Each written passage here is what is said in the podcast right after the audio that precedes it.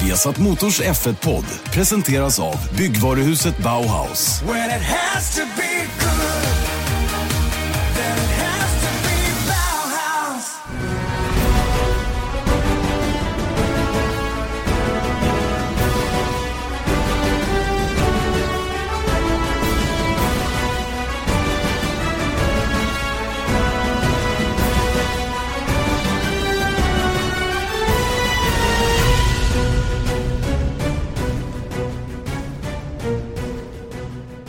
Hjärtligt välkomna ska ni vara till en ny Formel 1-podd från Viasat Motor. Viasat Motors Formel 1-podd med Janne Blomqvist och Erik Stenborg.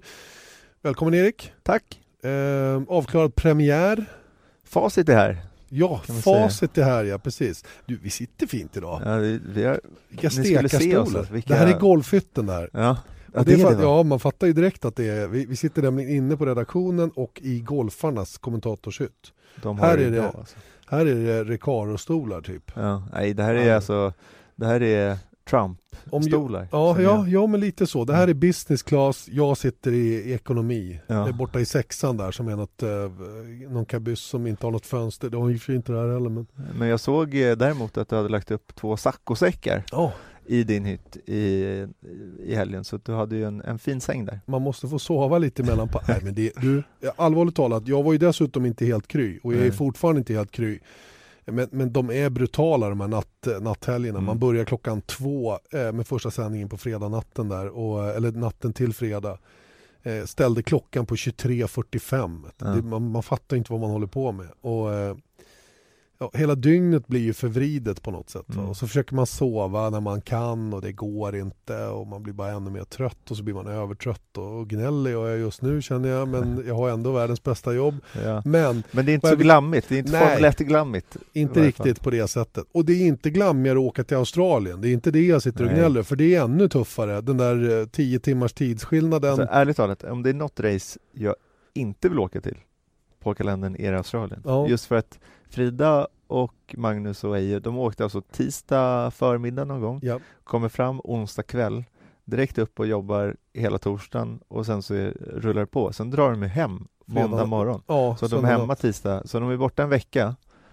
Och liksom, alltså, du har ju varit där, jag har varit Ja. där och du hinner inte uppleva speciellt Nej, mycket liksom, nej, utan nej, det är nej. bara Vadå, det är inte så tråkigt att gå på Formel 1 men det är en tuff resa Absolut. i economy ska jag säga. I, I ekonomi, ja, Mm. just det. Nej då, så, så att det, det, det är, vi, vi verkligen inte klaga på, på någonting. Det är, jag vet att eh, 99,9% av alla er som lyssnar skulle gärna byta med oss, va? men Mm. det är inte det, det är inte det som är poängen här, utan det är mer att det är ganska slitigt i alla fall just den här första helgen och den, det blir som ett brutalt uppvaknande om man kan säga så mitt Ja. i natten.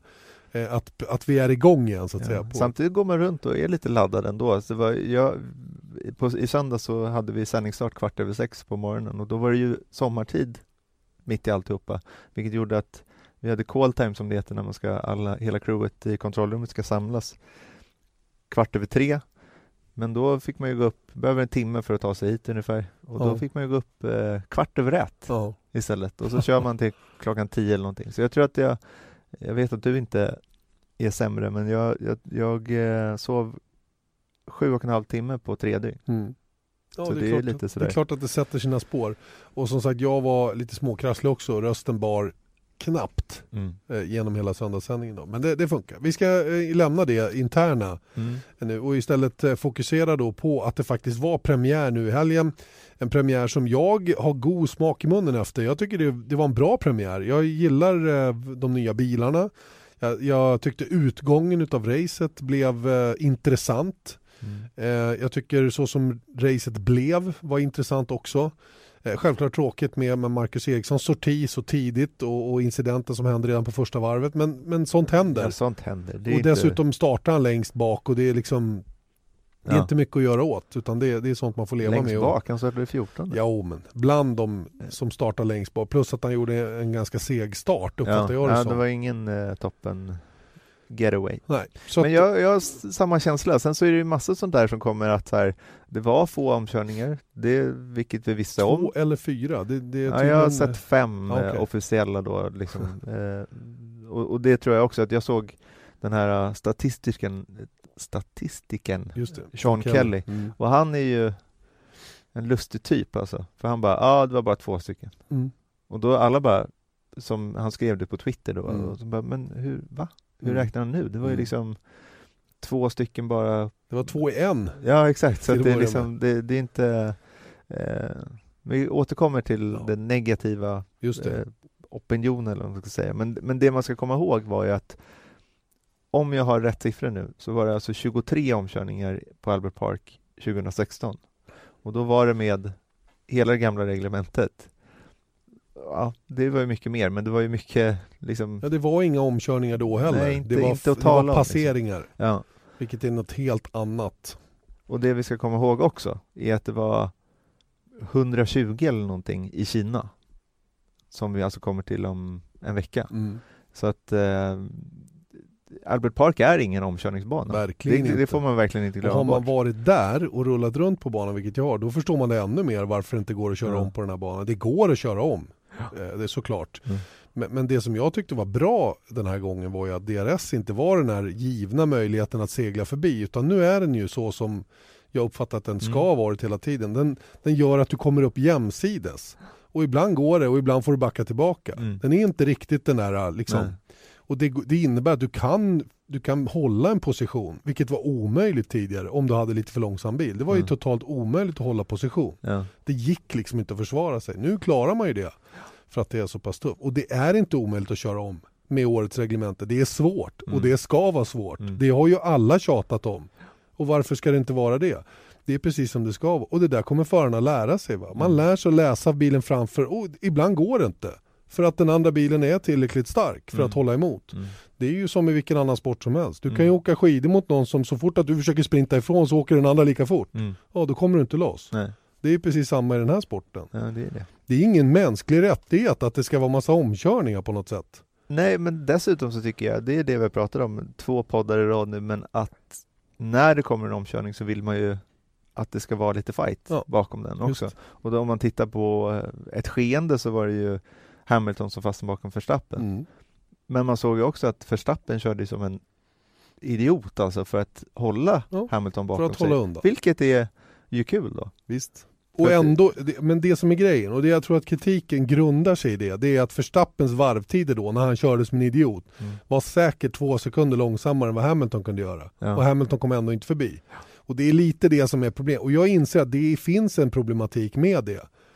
Och jag kommer ihåg när det var som allra värst eh, förra gången så att säga då, 2004, 5, 6 där någonstans. Mm. Då behövde man i Barcelona vara 3,5 sekund snabbare än bilen framför för att Ja. ha en rimlig chans att kunna ta sig förbi. Eh, det här är ju det här är någonting som kommer att göra att teamens strateger måste tänka om. Mm. Och det var i det här fallet Lewis Hamilton och Mercedes förlorade racet för jag tror att de hade räknat med att snabbare komma förbi Verstappen. Mm. Samtidigt som de också hade räknat med att Vettel skulle komma in inom ramen för den Ja, tid de okej. hade på sig. Jag tror inte att de hade tänkt sig att hamna bakom någon av dem. Nej kanske. men, men det är ju ganska lätt för dem att räkna på det när de tar in honom att han kommer att komma ut bakom Max Verstappen. Det var ju inga otydligheter Nej. kring det. Så Nej. det hade de räknat med. Men jag tror inte de hade räknat med Att Vettel skulle, att Vettel skulle stanna ute så länge. så att Verstappen förstörde racet för Hamilton. Det Mm. var väl där det blev liksom och där har det ju med däckekonomi och sådana grejer att göra också. Ja, och det kan vi ju konstatera. Och det är där jag menar igen då, att det här som kanske kommer vara eh, ganska kul i år också är att på vissa banor så vet man att så här, men det här är ingen omkörningsfest här. Så då måste vi tänka strategiskt. Sen så i Kina med en en kilometer lång raka, ja men där kan vi komma om. Så där kan vi kanske vara lite mer aggressiva i vår strategi. Exakt. Och, så att det kommer vara olika typer av lopp, tror Mm, jag och mm. hoppas på. Mm. Vilket är kul. Men det som är en, en, en väldigt positiv grej var att däcken fungerade. Absolut. Nu är de ju som racingdäck ska vara. Det var typ ingen degradering eller nästan minusdägg på, på soft. Mm. Det var någon tiondel på supersoft och det var några tiondelar på ultrasoft. Mm. För Hamilton några tiondelar mer än det var för en sån som Sebastian Vettel.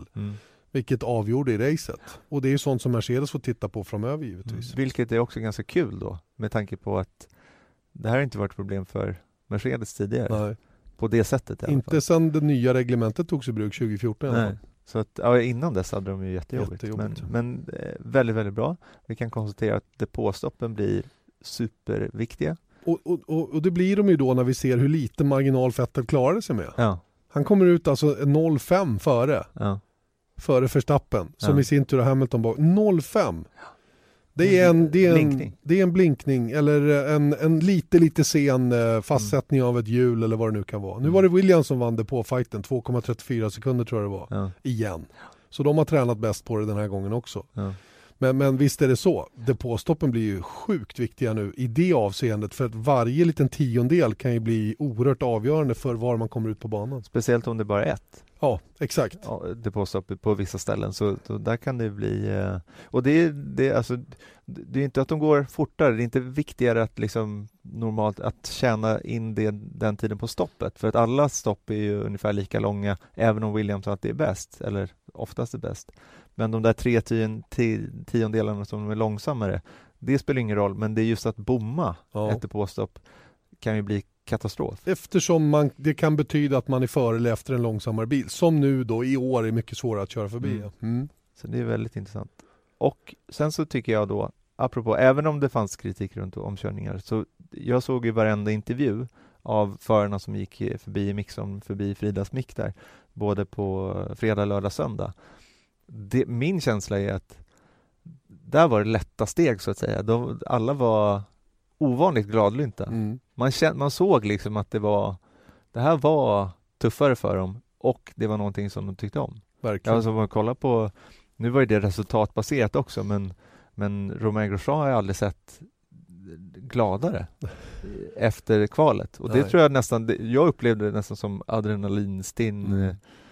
eh, situation liksom. Och det har man inte varit så rätt när eh, till och med Alonso som brukar hasa runt där och eh, säga lite halvnegativa saker och gå. Nu var han liksom så här, "Oj, det här är bra liksom. Mm. Det var så här han hoppades att det skulle vara. Just det. Och det är, så här, det är det här jag tror de, framförallt de äldre förarna har sökt hela tiden. Att komma Mm. tillbaka till Kimi, Alonso och några till som var med. Filipe Massa som var med på den tiden då. Eh, De allra flesta faktiskt på griden har ju inte kört bilarna innan, ja, i den gamla eran så att säga då. Eh, Det är några stycken då som har provat på det. Eh, ja, nej men eh, det är ju jättekul och det var ju någonting som Marcus Eriksson var inne på redan när det blev prat om det här nya reglementet. Att Jag tror att det kommer att göra väldigt stor skillnad för den allmänna opinionen att förarna är nöjda med hur det är att köra Mm. att det är tufft liksom, att Mm. det är tuffare och, och ja, små marginaler. Det såg vi också den här helgen att missar du det minsta lilla så finns det ingen tid att rädda upp det utan då smäller det bara. Mm. Och eh, speciellt på en bana som den i Albert Park där avåkningszonerna är närmast obefintliga på vissa ställen och, och även om det finns avåkningszoner som i Ricardos fel, eller fall så, så smäller man i i alla fall. Ja. Så, Det går ju fort. verkligen, verkligen. Nej, men jag, att, jag eh, tycker att det var, det var en gladlynt premiär trots att det fanns, eh, det, det är aldrig perfekt. Nej. Liksom, så är det bara. Och, och, och jag måste säga att eh, nu startar motorsport.com tror jag en ny sån här fan survey. Ja. Och det, jag tycker det är så onödigt, det behövs ingen. Eh, man är hela tiden ute och fjäska och det där är klickjakt alltså. Det är jag helt övertygad om att det är att man nu när Ross Braun har tagit över då startar vi en ny undersökning. Man vill vara med och påverka, man vill liksom sätta avtryck på framtidens Formel 1 och hela den där grejen. Va? Men för det första är det så att vi kan inte jaga det här spöket som heter perfekt Formel 1. För det finns inte. Det kommer aldrig att finnas. Det finns ingen sport som är perfekt. Och som alltid levererar det perfekta varje gång. Mm. Jag förstår inte varför just Formel 1 skulle hamna i den skottgluggen att varje race måste leverera det perfekta loppet med exakt rätt antal omkörningar, perfekt och bra anledningar. Exakt, och bra kamp längst fram och kamper hela vägen och spänn. Vilken sport levererar något sånt? Ja, det händer några enstaka gånger. Mm. Jag menar, 99 av 100 fotbollsmatcher är ju eh, trötta. Förutom under några minuter när det exploderar eller när det händer några grejer eller när det blir mål eller vad det nu är för? Det är ju liksom... nästan säga 100 av 100. Ja, säg 100 av 100. Men, Nej, men, 99 av 100. Ja men du fattar vad jag menar. Ja. Det är liksom, varför skulle den här sporten leverera fullt pump hela tiden? Det, det kommer ju aldrig att hända. Och att då hela tiden efter ett sånt här race då börja söka förändringar och Jean Tott går ut och uttalar sig. Han tycker dels ena dagen att bilarna är för dyra, för komplicerade och det är för svårt och bla bla bla. Och så nästa dag säger han att ja det blir dåligt med omkörningar men det är ett pris vi får betala Mm. för de här coolare och snabbare bilarna. Ja, Man fattar inte vad det är han vill ha fram för någonting. Vad är det han vill kommunicera till publiken? nej. Och jag, jag, är, jag är ärligt talat trött på det här kackandet på farstutrappen. Alltså det får man baske med sluta med nu och, och liksom kör på lite grann. Koncentrera på det som är bra. Om ett race till 80, 90, 75, 80, 95 procent är bra, prata om det istället. Mm. Det är klart att det finns saker som behöver fixas till hela tiden men vi behöver inte varje gång lyfta fram det för att man märker ifrån många mediers håll att man får reaktioner från läsarna. Mm. För det är ju det man söker. Men det är ju entusiastiska människor som följer Formel 1, Ja. så är det bara. Och det, och det I är alla fall bra, de men- som hörs är Ja. väldigt entusiastiska. Ja men de är, alltså jag tänker bara de som tycker det är positivt också. Men, men ändå tycker jag att så här, även om det finns kritik och sånt där, så kan jag ändå se nu jämfört med tidigare år att så här, ja men nu finns inte riktigt det som det klagas på går inte riktigt att klaga på i det här Nej, läget känner jag. Sen så är det så här, okej, om det är, eh, om vi ser, ja det är fem omkörningar per varv oavsett bana. Ja men, åh, ja, men det är kanske lite segt då. Ja. Om, det om det visar sig vara omöjligt. Beroende på. Ja men exakt. Men, Hur men, såg det ut fram till dess att de här fem omkörningarna gjordes? Var det brutala kamper tills ja, dess okej, att de faktiskt om, om genomfördes? här att det visar sig att det här reglementet levererar orimligt statiska race. Ja, ja, en då, då, då är det tråkigt, men det jag menar nu, jag menar, jag tycker med handen på hjärtat att det var ett riktigt bra race. Det var inte det bästa jag sett i Nej. Australien, Nej. absolut inte, men så är det inte. Mitt i högen Ja. och av var- race som man har varit med om. Ja. Inget varken åt ena eller andra hållet. Och jag, som sagt, det är klart att man påverkas om det går bra för våra svenska deltagare eller inte rent känslomässigt. Men, men nu gjorde det inte det den här gången, men jag hade ändå en god feeling efter loppet. Och jag ser fram emot nästa deltävling i Kina. Mm. Med rätt mycket faktiskt. Och tycker att det ska bli kul att se, ja för nu kommer en ny typ av bana, en annan... Ja, och det är, det är spännande att se det här utveckla sig helt enkelt. Verkligen. Och det är det. Men om man tittar på racet då. Ja. Vettel vann, Mm. enorm glädje. Med all rätt. För det var ett eh, coolt sätt att, eh, som de gjorde det på. I och med att de var smartare. Ja, de, ja, ja, det var de ju. De, de eh, hade större självförtroende Mm. till...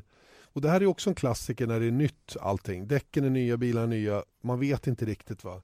Och, och det, jag tror att det var det som blev resultatet lite. Att eh, Merca var osäkra helt Mm. enkelt. Vilket gjorde att de var tvungna att dra sitt kort först. Boom. Ja.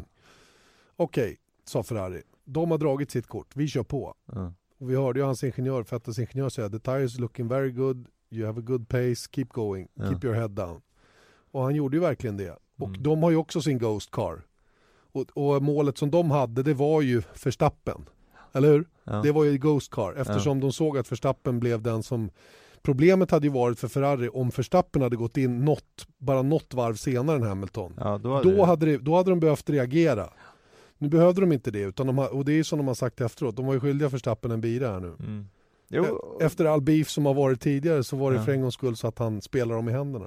Och det är ju osäkert då om, om Vettel hade kunnat ta sig om Hamilton om han hade hamnat bakom. Hade aldrig Men, hänt. men det man sen såg var ju att även om Hamilton fastnade bakom Verstappen så hade ju han svårt att hänga med Vettel Ja. Sen. Ja. Vilket var väldigt eh, glädjande, Ja, men, så att säga. men då För- kommer vi tillbaka till det jag sa tidigare. Va? För Hamilton hade ju en pace som säkert var två sekunder snabbare än, än Verstappens, men Ja. kom inte förbi. Mm. Vilket innebar att det här kunde ju Vettel utnyttja fullt ut. Ja. Och, så, och, det, och det är ju det här som är lite... Ja, man man ska- närmade sig inte riktigt, Nej. han höll ju avstånd. Nej men då är ju bilarna för jämna. När de väl får friluft bägge två, då är de för jämna för att det ska göra någon större skillnad. Ja, men det, är liksom. det, det är precis det jag menar, att Ferrari hade ju pace. ja, ja, på ja, ja. riktigt. Ja, det var inte en fluk. Nej, nej, nej. nej. Utan det är det jag menar, Okej, att det var väldigt kul.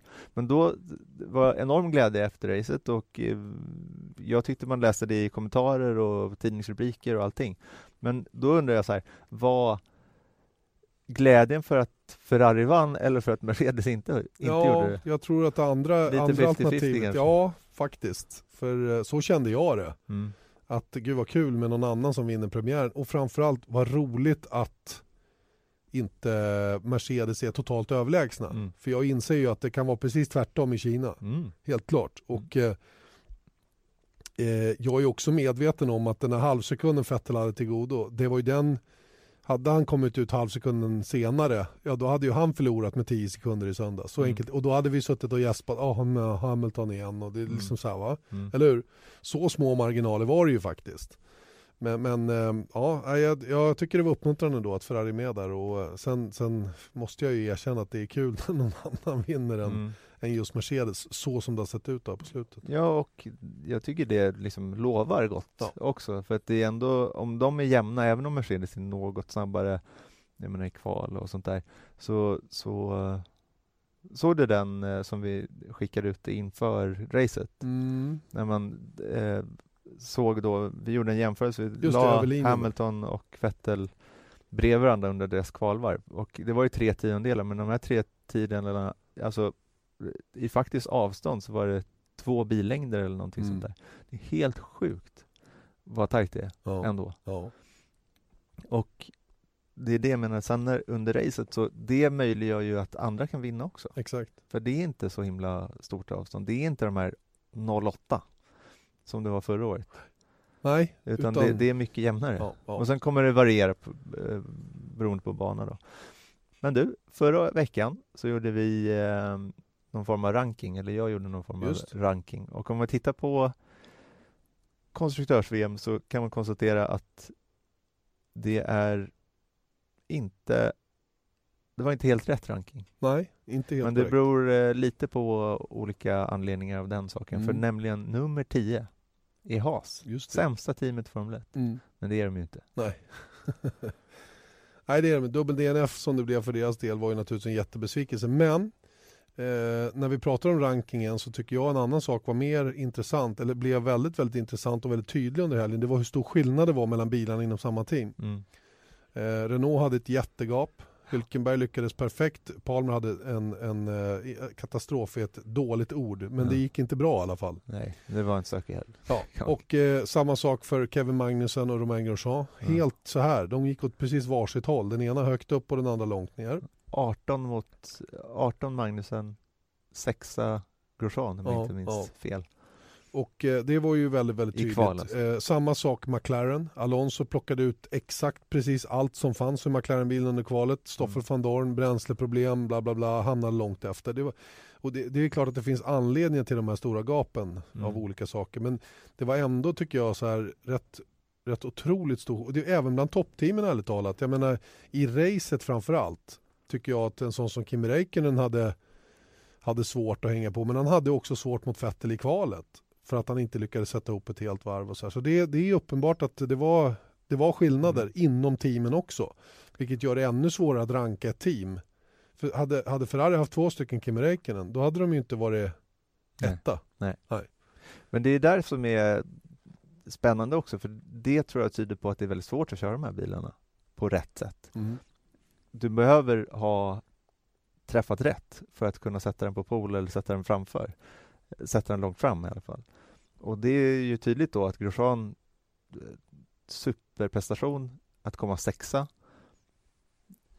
18 för Magnusen. Det, han har ju inte hittat rätt Nej. helt enkelt och då blir det sådana här sk- skillnader. Det Exakt. kan bli också en sån där grej som är, är superspännande. Och det tycker jag är trevligt också med anledning av att det har varit prat om att vem som helst kan köra en bil Ja. och vara med. Och all- vem som helst som sitter i Merca vinner. Ja, Så är det ju inte. Nej. Det har vi jättebevis på också. ja, För Bottas var ju tämligen liksom efter ändå Ja. bakom Hamilton, vilket han ska vara i, än så länge. Men det kommer säkert bli tajtare längre fram. Men det är bra att inte bilarna körs av sig själv. mm, Utan att det faktiskt har betydelse vem som sitter bakom ratten också. mm.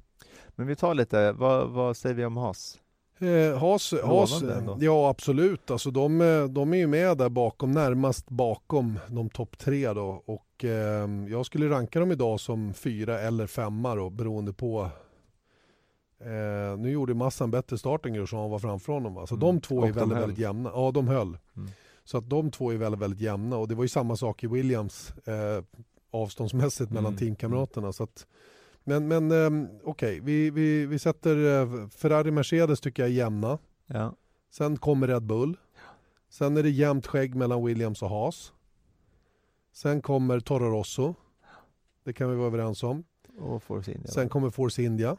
Är de jämna med Toro Rosso eller är Toro Rosso något före?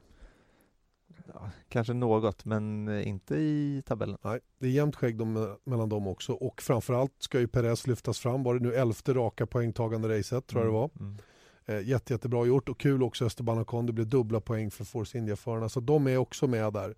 Sen, sen eh, är vi klara med det gänget. Då, då kommer vi till... eh, Största, en av de största. äh, Först, ska vi hänga kvar vid Red Bull? Ja, det kan vi göra. Där kan man ju Där har ju förhoppningarna slagit fel, om man säger så. Utifrån sett till 27 november när man gick i mål i Abu Dhabi så har ju man ju håsat upp Red Bull att nu är det här, det här är Mm. Red Bull-reglementet för att de har Adrian Newey på Arrow och Mm. allting sånt. Och det är ett de, äroregemente till stor del i alla Ja. fall. Mm. och eh, nu kan det här vara stora delar Renault eventuellt som gör att de inte hänger med men de hänger verkligen inte med. De var alltså en, Verstappen var 1,3 sekunder bakom Hamilton i, i kvalet. Mm. Det är stort. Det är mycket. För mycket. Ja. Och eh, ja, jag vet inte hur de ska hitta all den tiden men det kommer bli en knepig historia helt Mm. klart. Alltså, för Merca kommer ju inte att stå still. Nej, Så- alltså så det är det de alla snackar om, att det här är jätte utvecklingsrace nu hela den här säsongen. Mm. Så att eh, det där ser tufft ut. Men jag tror att om det är någon som kan utveckla Arrow så är det väl Red Bull trots allt. Så Och jag har inte- slängt in handduken. Gör inte vi också samma misstag som många andra gör nu då? Att vi läser av efter, efter Albert Park? Jo, men det är det vi har. Jo, Ja. visst har vi det. Men Ja. frågan är om vi ska använda Albert Park som en referens. Nej. För vi har ju sett det här förut också att just det här racet kan bli väldigt stora differenser i. För det var ju inte så här stora differenser i Barcelona till exempel. Nej. Och därför så blir det lite så här, det, det är dumt. Många är konservativa i det här första racet också. Man vet inte riktigt var man står. Och jag tror att det är många andra parametrar som spelar roll då. Så man Visst, får ju vara men det säger ju ändå någonting. Ja, det ger en indikation. Katastrof för eh, Ricardo. Jösses vilket Ja, liksom skit. verkligen. Liksom från kvalet, kommer inte ut till start och sen så eh, Fem platser ner till start till att börja med. Jag Ja. skulle ha startat 15 och sen eh, tekniska fel då, en växellåda som krånglar. En ny insatt växellåda dessutom. Så, att, eh, ja, så det, det var ju ingen eh, toppengrej alltså. Men, men och, och vilket leder oss in då på Renault. mm. Fabriksstall, som sagt. De har samma motor som Red Bull och Toro Rosso och blir klart slagna. ja. De är ju, eh, jag skulle säga att de, de är sist av det där gänget i mitten Ja. just nu. Och det är överraskande för mig, för, för det, så trodde jag inte det skulle vara. Och återigen, det kanske inte är så i Shanghai. Det kanske inte är så i Bahrain heller. Men som det såg ut i Albert Park så var de eh, faktiskt mycket svagare än vad jag trodde de skulle vara. Ja. Men jag satte ju den här ordningen i förra podden inför Albert, Albert Park, inte, inte hela säsongen. Nej. Och då hade jag satt dem som fyra Mm, och istället så är de eh, sjua, just det. sett till konstruktörs-VM. Ja. Så det är inget bra. Nej, inte alls. Sauber då? Mm, Sauber, vad ska vi säga om Apropå dem? att inte kunna köra, att bara slängas in i en Formel 1-bil och kunna köra fort så var ju Giovinazzi ganska, Han gjorde det bra, det är ingen tvekan. Eh, framförallt kvalinsatsen tycker jag var skarp. mm. Eh, nu tror jag att det blev, inte för att vara allt för svensk, men jag tror att den blev lite smickrande gentemot Marcus Eriksson. För Marcus hade lite stökigt kval med trafik och sådana saker. Va? Men det ska ju också hanteras så det är väl ingenting att skylla på egentligen. Va? Men jag tror att avståndet hade varit större de två emellan om det hade varit liksom fria varv på rätt sätt för, Ja. för Eriksson också. Eh, sen är det ju bara att titta på Giovinazzis insats i racet. Han är alltså 50 sekunder bakom Renault på Mm. 12 plats. Plus två varv efter ledaren. Det är ju inte imponerande direkt. Och vad kom han? To- 13? 12 va? 12 men han var näst sist. Ja. Det Det var är ju bara... faktiskt också en sån grej att 12 sett till siffran är ju Ja visst. mega bra men Mm. eh, det var inte direkt nära. Nej, och då, då kan jag tycka att han, han får ju väldigt mycket bra kritik i efterhand. Och det ska han väl ha. Jag menar, han hade ju noll förberedelser och hoppade in och gjorde det där. Ja, Han alltså jag tycker, alltså, han, han kan vi bara, vi, vi kan sätta perspektiv på det han gjorde. Mm. men han gjorde ett sjukt bra Ja. Race tycker jag. Absolut. Och sen så fanns det anledningar till det, men oavsett. Jag menar, han, han kom in på tredje träningen, fick köra 18 varv, kvalade. Oavsett vad så var han ett par tiondelar bakom Eriksson. Just det. Och Det- 16. Ja, och det är bra. Det är bara bra. Ja. Liksom. Det finns inget att klaga på i det avseendet, verkligen inte. Tvärtom. Eh, vi kan komma tillbaka till varför han körde om en liten stund. Mm. Eh, avslutningsvis McLaren då, som, eh, som har Alonso, det ska de ju vara glada för. Mm. Han är ju riktigt, riktigt skarp alltså. Mm. Och det, är ju, det, det maskeras ju så oerhört av den bilen han har tillgänglig just nu. Men, men han är ju fenomenal alltså på att vrida ur den där. Och att han har motivation att göra det på det sättet. Och vi hörde i kommentaren efter kvalvarvet Det där var max. Mm. Max, max vad, vad som gick att ta ur den där bilen. Och eh, eh, det belönade honom med en hyfsad startposition ändå. Men sen, Mm. sen höll det inte hela vägen för hans del då. Det blev lite kontakter och en trasig hjulupphängning. Och, Men jag måste ändå säga att där har man ju, det var ju en positiv överras- överraskning generellt sett, att de höll ju nästan. Ja, nästan. Ja. Det var bättre än väntat i alla fall. ja, men det var inte så att de puttrade runt i 260 på rakan och Nej då, han, liksom han stod emot så gott det gick. Liksom. de, de tävlade ju faktiskt ändå. Absolut. Så det är ju väldigt kul. Men, ska vi prata om Pascal Wehrlein? Pascal Wehrlein ja. ja, vad ska vi säga om honom egentligen? Det är ju ehm, det är en fascinerande historia runt hela den här personen ärligt talat. Mm. Va? Med, med alla de rykten som har föranlett honom, eh, eller som, som föregick honom då innan han kom till Sauber, att han var svår att jobba med och vissa team vill inte ta i honom och, och ha honom i teamet och så hamnade han hos Sauber. Eh, Något som blev klart tror jag långt innan Abu Dhabi eller strax innan Abu Dhabi men sen så var man tvungen att hålla på det lite då eftersom det var lite politik runt omkring det där. Han åkte till Miami, körde det här Race of Champions med, med numera känd utgång, voltade och skadade sig, missade massa träning, eh, missade första försäsongsveckan, körde den andra, stack till Melbourne, körde fredag. Körde halvdagare i Barcelona. Ja, Och det är ganska intressant nu för att det jag hörde var att han körde aldrig mer, max antal varv i rad. Vet du hur många det var? Nej. Tio, tio varv. max. Ja, Var de man lyckades då pressa ut ja, på en gång. Liksom. Och han körde halvdagar under andra testet. Så de ändrade om hela testprogrammet, som sagt, för att tillmötesgå honom då för att han skulle orka med. Just. Och ehm, ja, tio varv och sen så kör han ju, som du var inne på, två träningar på fredagen Mm. och känner då att han det, pallar går, inte. det här går inte. Nej. Nej. Och så hoppar han av. Han var dessutom långt efter Marcus Eriksson under träningarna. Och, eh, ja, jag, jag måste säga att det, det är... Lördag morgon ja, ja. ja, lördag morgon hoppar han av, kastar in handduken och, och eh, ja.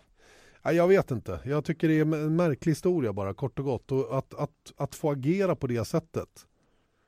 Mm. Det är, det är vi har aldrig hört talas om att en förare ger upp på det här sättet. Nej, och det är som Eje sa i sändning också, att han har aldrig sett något liknande. Und- och han har varit med ett bra tag.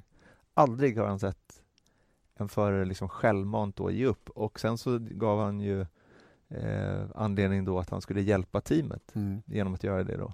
Och det kan man ju ifrågasätta. Det, det låter ju bra, men Visst, det gör han ju inte. det var precis raka motsatsen. Ja, för har om han hjälpt- hade hjälpt teamet så skulle han inte kommit dit överhuvudtaget. Exakt, då hade han hoppat av i god tid och låtit Giovinazzi få en rimlig chans att faktiskt göra ett hyggligt jobb i Australien, vilket han ändå gjorde. Mm. Och, och det som jag tyckte var mest frapperande det var ju att han i intervjun då när, när Frida pratade med honom säger att Nej, men jag gör samma sak i Kina. Jag Mm. kör på fredagen och testar. Funkar det så funkar det, annars hoppar jag av igen. Ja. Och det tror jag inte han kommer att få tillåtelse att göra. Nej, det, det kommer han garanterat inte få. Nej, för så, så får han inte agera helt För enkelt. det här var inte liksom teamet som bara sa, men vi, vi tar hit dig och sen så, men Pascal du måste köra. Eh, se hur det känns bara. Det, det var ingen sån situation utan det här var han, han, det fanns ingen tvivel om inom teamet då ut från hans sida att han skulle köra. Och Han kör båda träningarna och sen så säger han lördag morgon att bara, kan ni lösa något annat? Mm, Jag vet ju inte hur, hur, hur han sa det men han, han konstaterar då att han inte ska köra. mm, Självmant. mm. Och jag kan inte få grepp om det här. För att, att han gör det här själv, det, det, det är det jag tycker är så... Alltså, Gör han det själv då? Är ja, det hans det är beslut? det jag menar. Nej, nej. Alltså, det kan ju nästan inte vara det. För att om... om jag menar, han är ingen sån här superstar. Jag förstår att liksom, om Alonso hade eh, liksom varit trött eller det sånt där så hade han kunnat vara mycket mera... Han Han, skulle aldrig gjort det heller, men... men, Han har men mer trovärdighet bakom sig Ja. liksom. Mm. och sen så kommer han i sin andra säsong i, i Formel 1, första racet och drar en sån här rövare, vilket det faktiskt var. Och jag, jag, jag kan inte, och jag kan inte se varför, liksom, han är ju Mercedes junior, så jag kan inte se att Mercedes har någonting med det här att göra heller. Inte?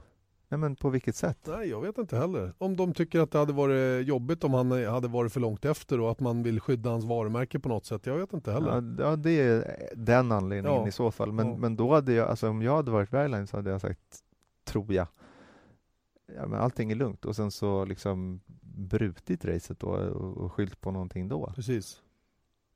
Mm. Ja, det är en, Ba, bara för att visa att man liksom gör det. Så vad är oddsen att han kör resten av säsongen nu då? Alltså, Om, om det, du och jag bara får sitta och, och spekulera lite. ja, men det, det- bygger ju på att han är fit for fight i Kina. Om, men, men det är det här som är förvirrande. Är det ens en fysikproblem eller är det en skadeproblem? Eller, Eller- är eller det är det? annat? Ja. Eller är det något annat? För det finns ju tre anledningar som Ja. jag ser det. Antingen politik. Mm. Antingen, Och politik som jag inte riktigt får grepp om. Nej, eller så är det skadan. Mm. Eller så är det fysiken rent allmänt. Det är Mm. de tre anledningarna det kan vara. Ja. Känner jag. Och, och det, som, eh, det som man också måste fundera över, hur den är så betalar ju Merca för att han kör där. Ja. Och eh, liksom, vad händer? Vad är alternativet? Ja, vi, vi säger då att alternativet är Antonio Giovinazzi. Betalar Ferrari lika mycket pengar? För de har ju mycket bättre förhandlingssituation i sånt fall. För de, Ja. de hjälper inom citat Sauber Mm. genom att låta Giovinazzi köra. Och eh, kan det betyda några lättnader för vad det kostar att köra de här fjolårsmotorerna? Eller vad, vad, jag har ingen aning om vad det skulle Nej, kunna betyda. Liksom så. Men eh, ja, jag vet inte. Jag, jag tror inte oddsen är jättehöga för att Verlaine får fortsätta. Nej, alltså då bygger det på att i så fall kommer han till Kina, sitter han i bilen första träningen, då kör han hela helgen. Ja. Eller så åker han ut för alltid, tror jag. Ja, det tror jag också. Sett, sett från Sau- Saubers sida.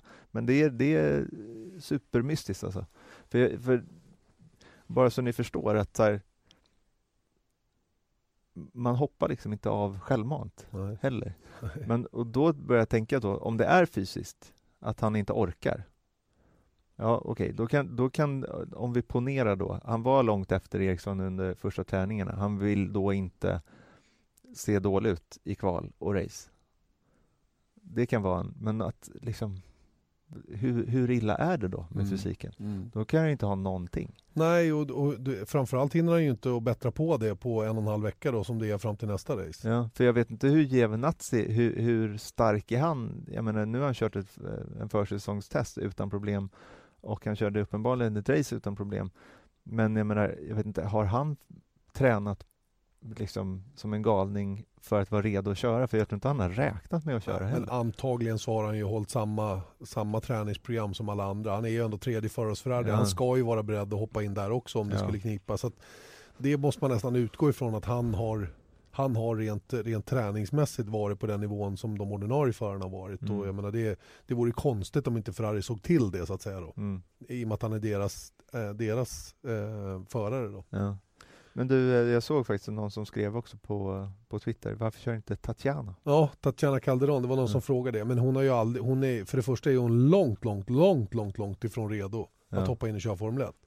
Och hon är inte anlitad för att köra Formel 1 överhuvudtaget. Hon är, hon är, Det här är som, eh, ursäkta, alltså ingen skulle vara glad. Jag tycker det vore hur coolt som helst om vi hade en kvinna i Formel 1. Verkligen. ja det här är Jag- jag- inte jag tror att- köns... Nej, nej. Om, om ett F1-team hade möjligheten att stoppa en kvinna inom några år i F1, det, det skulle vara så bra för Mm. hela sporten. Mm. Men på samma sätt som Carmen Jorda i Renault eller Lotus, att hon var development driver, som det så fint heter. Det fanns aldrig en möjlighet att hon skulle Nej, köra nej. en racerbil. Och det är samma sak med Tatjana Calderon. Hon, hon eh, använder ju Saubers plattform. Hon betalar ju för att använda Saubers plattform och, och finnas i den organisationen då.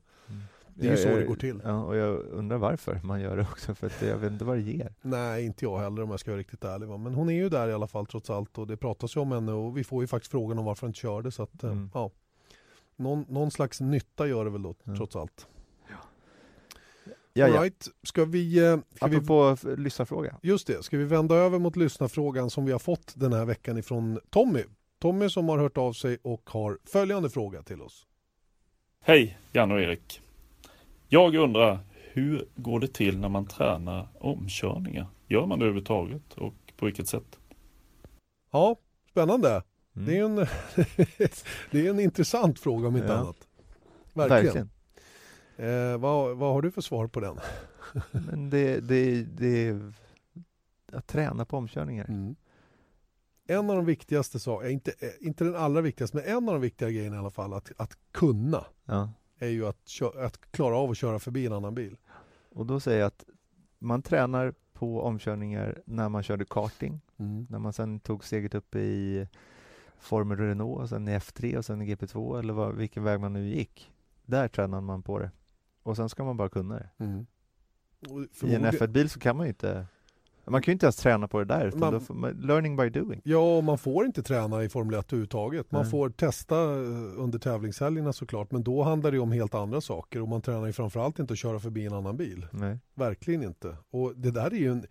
Jag har inte ens tänkt på den där frågan överhuvudtaget. Jag har aldrig ens Nej. funderat på det, utan det är bara, tar man för givet att de kan Ja.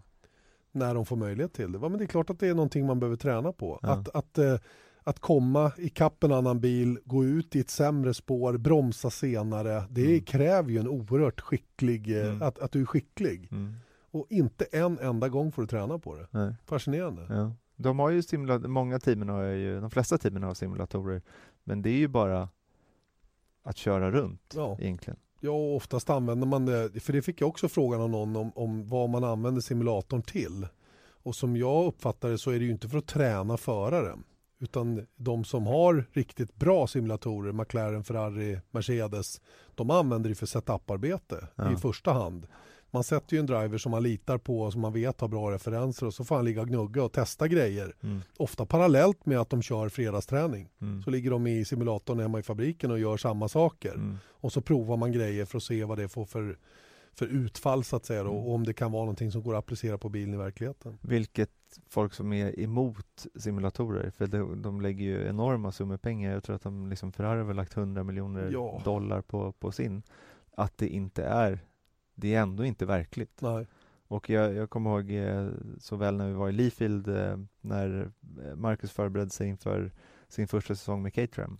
Då satt han ju i simulatorn och jag kommer ändå ihåg att så här, okej men nu ändrar vi ride heighten bak och lossar på en eh, krängningshämmare. Hur känns det nu? Och Marcus Ja. bara, ja nej, men det är ju liksom, han gav ju feedback och Mm. liksom så men jag tror inte att det var verkligt Nej. överhuvudtaget. Nej, Jag vet ju att Marcus är inte ett dugg imponerad av det här med simulatorer. Nej. Rent körmässigt så har han ingen nytta av det överhuvudtaget menar han själv. Mm. Utan att det är ett nödvändigt ont. Och, och det är klart, blir han beordrad att köra simulator så gör han ju det. Mm. För att nu har de tillgång till en simulator i Graz i Österrike tror jag. Mm. en väldigt imponerande och avancerad grej som, som naturligtvis kommer integreras med teamet mer och mer allt eftersom. För, för Sauber har ju varit ett av få team som faktiskt inte haft någon simulator tillgänglig. Men Mm. nu, nu har man det och eh, vi får väl se då om det kommer att göra någon skillnad så småningom. Då, om de också kommer att använda det i, i setup, eh, setup-arbetet så att säga. Det som talar emot det var ju att det var en ganska rolig situation när vi var i Mexiko eh, 2015.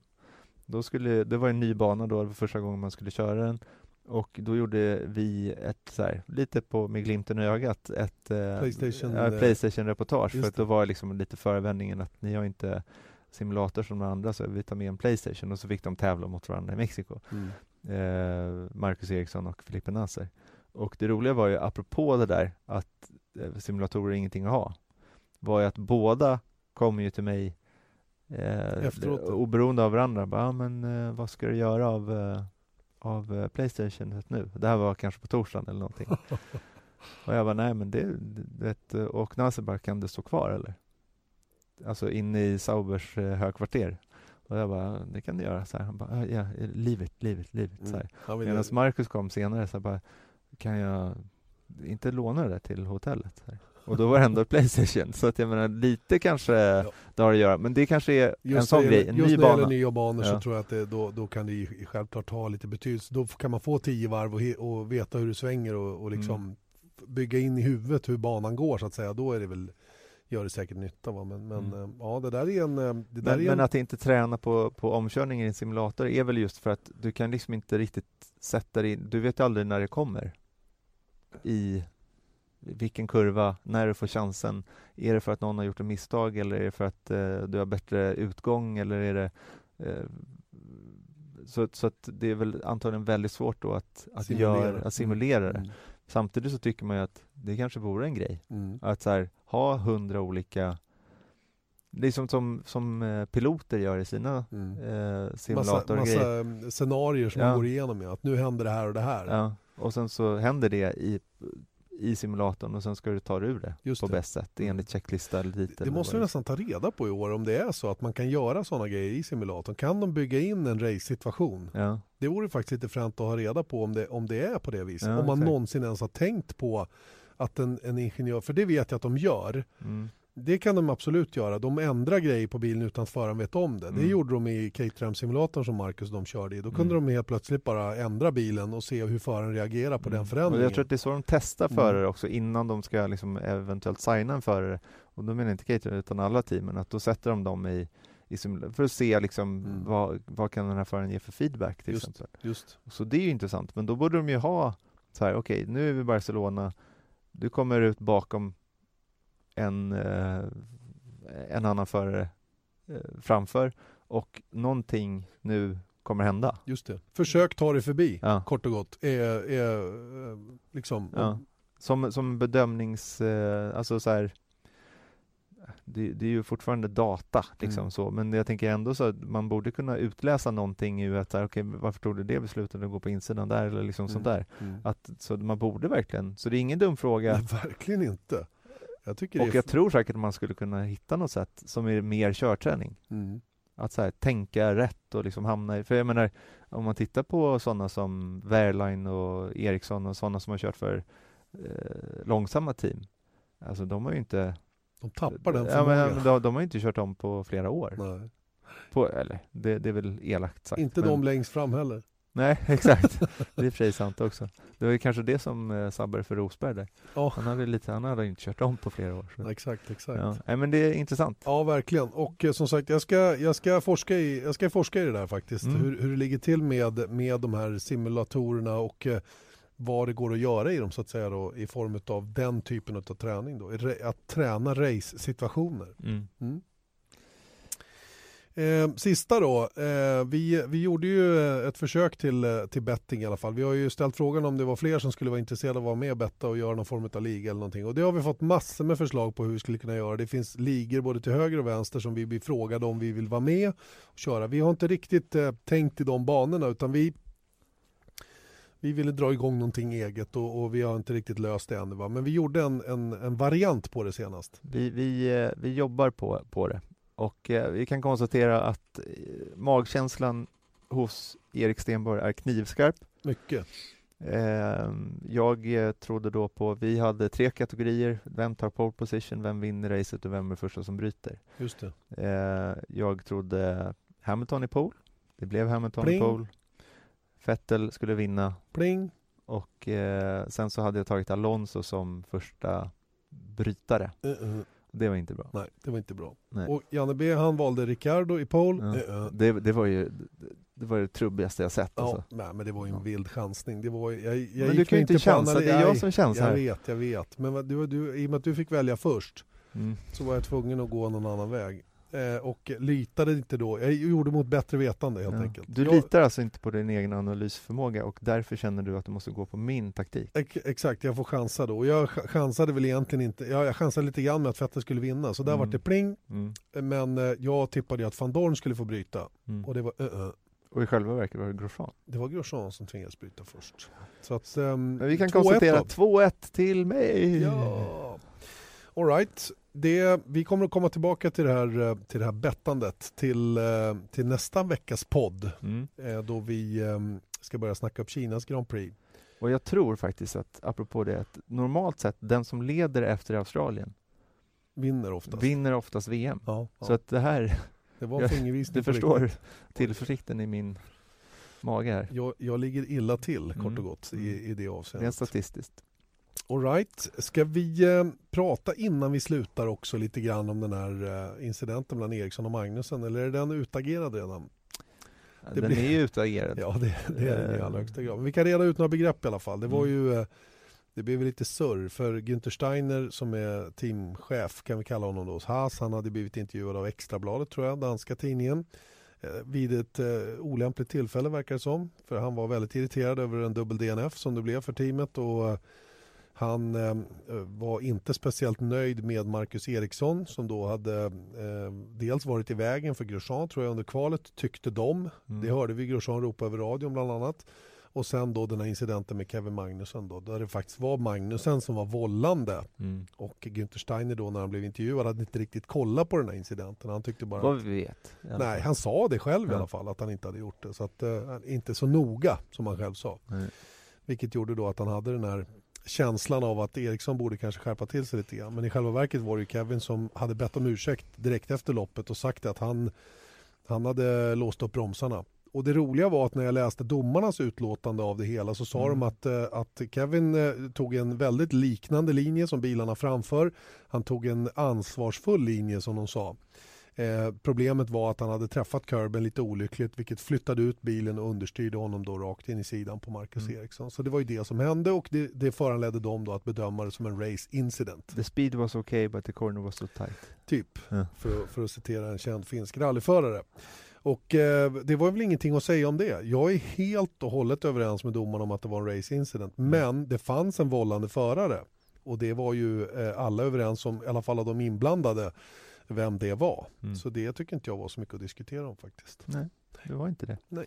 Life moves on. Det gör det definitivt och, och eh, det hade heller inte gynnat varken den ena eller andra att bestraffa Kevin Magnussen och det jag menar är bra med det här nya förhållningssättet är ju att man faktiskt inte skrämmer bort förarna från att vara aggressiva in i situationer för det man ska beivra det är vårdslös körning Mm. och det är någonting helt annat och det kommer man att beivra också under säsongen. Det är jag helt övertygad om. Och med tanke på nivån på förarna i Formel 1 idag så är inte den risken så stor Nej. att någon är vårdslös.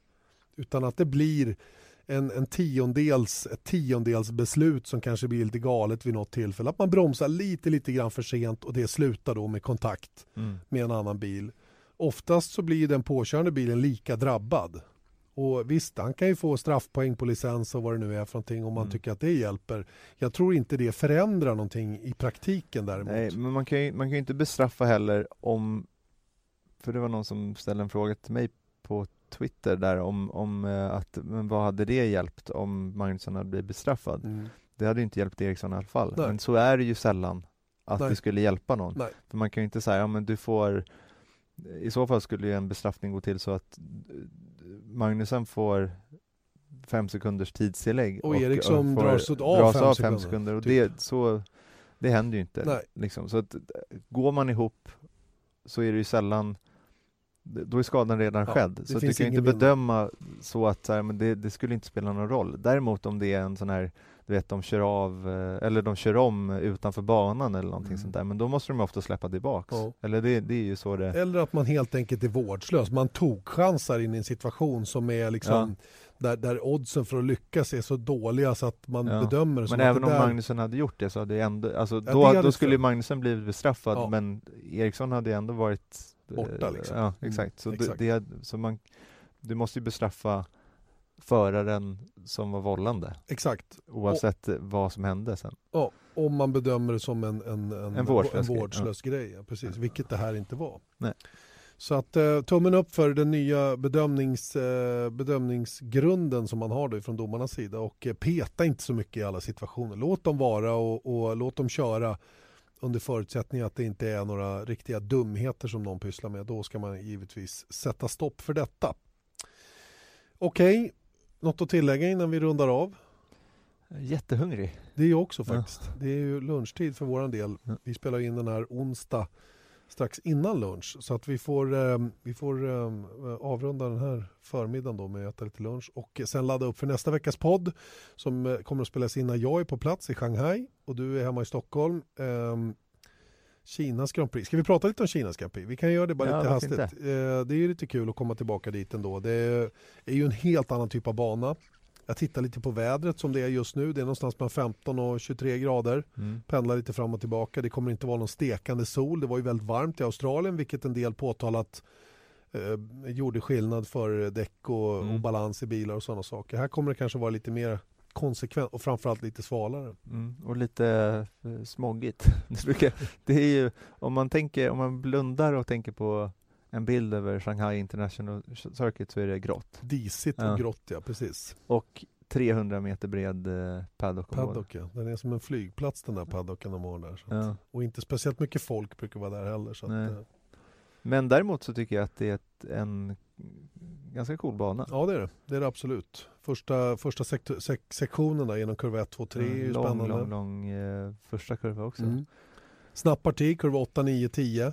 Eh, sen går man in i 11 och 12 som också är hyggligt snabbt och sen genom den här långa kurva 13 då som Mm. leder ut på bakrakan som är över kilometern lång och sen har man ett jätte, jättebra omkörningsställe där in i kurva 14 då som har en stor bred ingång. Det finns gott om plats att ta lite olika spår. Och Mm. Det ska bli spännande att se faktiskt hur de här bilarna hanterar just det då. De, de är ju lite långsammare i år rakt fram. Mm. Men, men vi såg ju jämförelser, dels G-krafterna var ju massiva Mm. bara i Australien trots att det inte är någon höghastighetsbana. Nej. Och det gick ju 20 km snabbare genom kurva 14 till exempel i år jämfört med året innan. Mm. Vilket också är en tydlig indikation på vilken skillnad det är Mm. på bilarna nu jämfört med tidigare. Mm. Det är vissa, jag såg någon skrev att det hade varit peak eh, G-krafter i Australien på 8G. Ja, Sen såg inte jag det, jag såg på eh, det la vi också ut i sex- sä- sex- ja, men det la vi ut i sändning ja. också en, en jämförelse då med, och det är många liksom någon kurva var det upp 1,8 G mm. Och du räknar ju G Alltså om, om, om ett huvud med hjälm tror jag väger runt 6,5-7 Mm. eh, och du vet, drar du 6,5 G, det vad blir det? 6,5 Ja, det är- 42,5 ja kilo. Det är ganska tungt. verkligen. Det Vi, är vi snackade förut om att ställa en gammal rör-tv, rör-tv på huvudet. men jag vet inte, jag tror de inte vägde 40 kilo. Nej, men jag såg att uh, Hylkenberg hade gjort någon sån där test. Då hade han en, en, en back pilsner. Ja, En låda med öl som han hade på huvudet. Han Ja. låg på sidan och höll emot. Det är ingen fara. Det kanske kan vara en bättre jämförelse, inte Ja, vet ja, jag. men det ska bli coolt med de här lite längre Mm. Kurvorna liksom, så när, när de verkligen Kurva drar 13 G. där i, Ja, exakt. i, den kommer att slita hårt på dem. Och när vi kommer till Barcelona genom kurva 3 där som också Mm. är en, en tuff sväng. Ja, ja, det ska bli kul. Vi ser fram emot det. Och som sagt, en ny podd får ni om en vecka igen. Då är det sannolikt torsdag. Ni kommer att få den torsdag lunch där någonstans som den kommer ut. Och då är ju eh, allt uppsnack inför Kinas Grand Prix. Det kommer betydligt mer om Shanghai då när vi, när vi drar igång den. Nu tackar vi för oss för den här gången och säger påtrörande Janne Blomqvist och Erik Stenborg. Vesat Motors F1-podd presenterades av byggvaruhuset Bauhaus.